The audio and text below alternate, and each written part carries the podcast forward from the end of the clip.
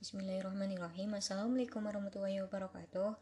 Perkenalkan, saya Sylvia Purwaningsi dari EPP 17 Saya akan membahas tentang analisis kesiapan Indonesia dalam mewujudkan SDM unggul untuk Indonesia maju melalui program BPJS Menurut data World Matters, Indonesia memiliki sebaran jumlah penduduk yang sangat banyak, bahkan menempati posisi keempat di dunia, yaitu sebanyak 269 juta jiwa atau setara dengan 3,49 persen dari total populasi di dunia. Pada era pemerintah Jokowi saat ini memiliki tujuan yaitu SDM unggul Indonesia Maju, menurut Undang-Undang Nomor 17 tentang Rencana Pembangunan Jangka Panjang tahun 2005-2025 dalam mewujudkan SDM yang berkualitas dan berdaya saing, maka diperlukannya kesehatan bersama-sama dengan pendidikan dan peningkatan daya beli masyarakat. Karena ketiga hal tersebut saling berkaitan satu sama lain. Kenapa? Tanpa adanya kesehatan yang baik, maka otomatis pendidikan tidak akan berjalan dengan baik. Dan tanpa kedua hal tersebut dengan baik, maka ekonomi masyarakat pun rendah. Kenapa? Kok bisa? Karena jual beli masyarakat turun dan sebaliknya. Pada intinya, tanpa kesehatan yang baik, maka akan berdampak pada aktivitas wajib dan harus menyediakan pelayanan kesehatan yang memadai dan berkualitas untuk mewujudkan SDM yang berkualitas demi terciptanya kesiapan Indonesia maju. Sehingga pemerintah Indonesia melalui Kementerian Kesehatan sejak 1 Januari 2014 menciptakan jaminan kesehatan untuk masyarakat melalui BPJS. Selanjutnya, dari latar belakang tersebut kita akan membahas tentang apa sih itu BPJS. Menurut Undang-Undang Nomor 24 Tahun 2001 tentang Badan Penyelenggaraan Jaminan Sosial, bahwa BPJS adalah badan hukum publik dan memiliki dua macam jenis yaitu BPJS Kesehatan dan BPJS Ketenagakerjaan. Program BPJS Kesehatan yaitu Jaminan Kesehatan Nasional atau sering disebut dengan CKN yang bertujuan untuk memberikan perlindungan kesehatan kepada masyarakat.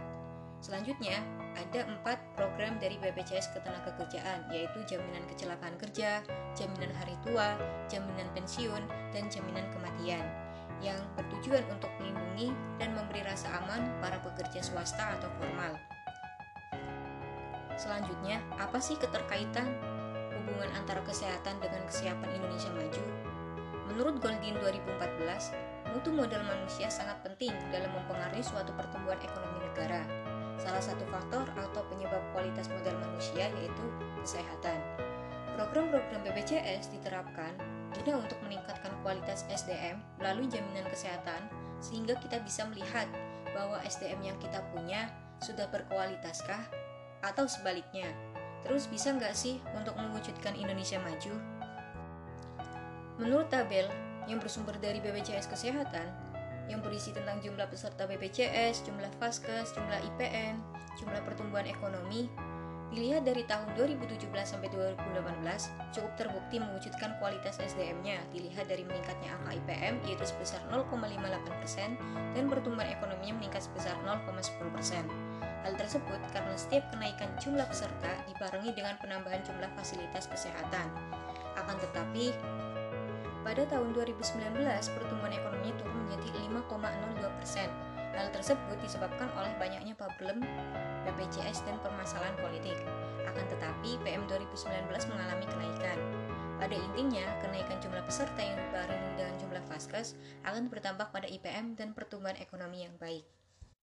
Selanjutnya, dalam menjalankan program BPJS tentunya mengalami berbagai kendala yang mengakibatkan angka defisit BPJS yang sangat besar bisa dilihat dari grafik defisit BPJS menurut triliun berdasarkan triliun.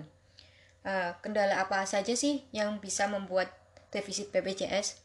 Uh, di antaranya itu ada perminta permainan rumah sakit.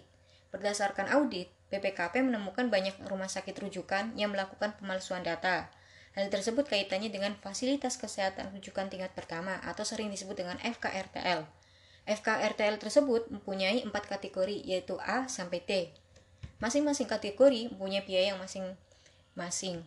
Uh, kategori A dengan biaya yang paling mahal dan kategori D mempunyai biaya yang paling murah. Untuk mendapatkan penggantian dari BPJS Kesehatan, banyak rumah sakit yang menaikkan kategori dengan memberikan data palsu. Misalnya, kategori D menulisnya kategori C, kategori B distorkan ditulisnya kategori A. Ini agar mendapatkan per unit lebih besar. Selanjutnya itu ada over layanan tetapi peserta sedikit. Menurut audit BPKP bahwa terjadi penggunaan layanan sebanyak 233,9 juta layanan, padahal total peserta JKN hanya 223,3 juta orang.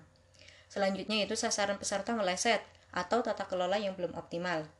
Banyaknya orang kaya yang pura-pura miskin menggunakan dan menikmati subsidi iuran BPJS Kesehatan.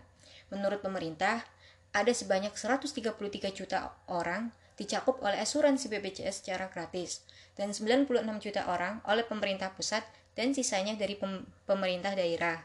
Selanjutnya itu ada kecurangan perusahaan. Sekarang ini yang sudah terdaftar sebagai peserta berkewajiban membayar hanya 4% dari 5% dari gaji pokok karyawan untuk iuran BPJS perusahaan melakukan e, kecurangan dengan mengakalinya pemalsuan jumlah karyawan yang sedikit, sehingga iuran yang dibayarkan tidak banyak. Selain itu, perusahaan yang sudah terdaftar memalsukan gaji karyawan lebih rendah dari yang dibayarkan, dengan tujuan mengurangi beban perusahaan dalam membayar kewajiban, baik diri, dari sisi pegawai atau dari badan usaha, serta perusahaan banyak yang menunggak iuran BPJS. Selanjutnya itu ada peserta aktif rendah. BPKP mengatakan bahwa tingkat kepesertaan aktif dari pekerja bukan penerima upah masih rendah yaitu sekitar 53,7 persen. Selanjutnya itu ada ketidakvalidan data yang disebabkan oleh perpindahan sistem akses jam kes, dari jam kesda dan jam kesmas ke BPJS Kesehatan, sehingga yang seharusnya tidak masuk sistem BPJS Kesehatan justru terdaftar di sistem.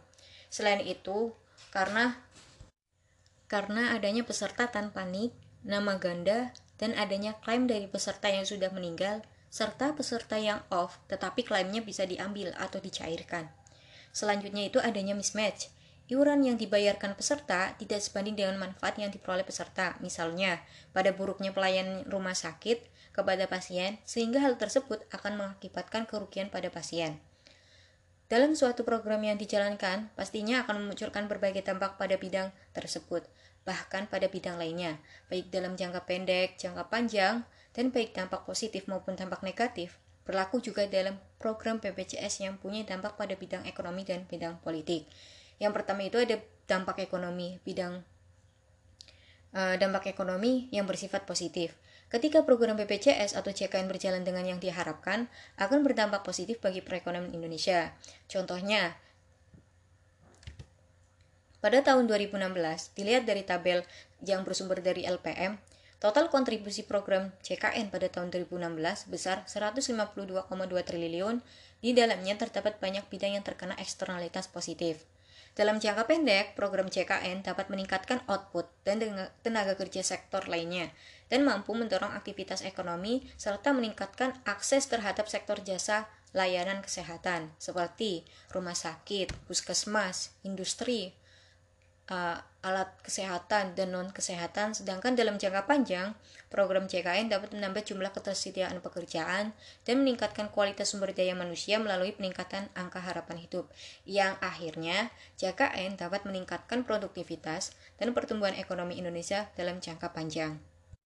Selanjutnya itu dampak ekonomi yang bersifat negatif. Ketika JKN tidak sesuai dengan yang diharapkan dan BPJS memicu defisit yang cukup besar, maka akan menimbulkan dampak negatif bagi perekonomian Indonesia. Karena untuk mengurangi defisit tersebut menggunakan dana cadangan APBN.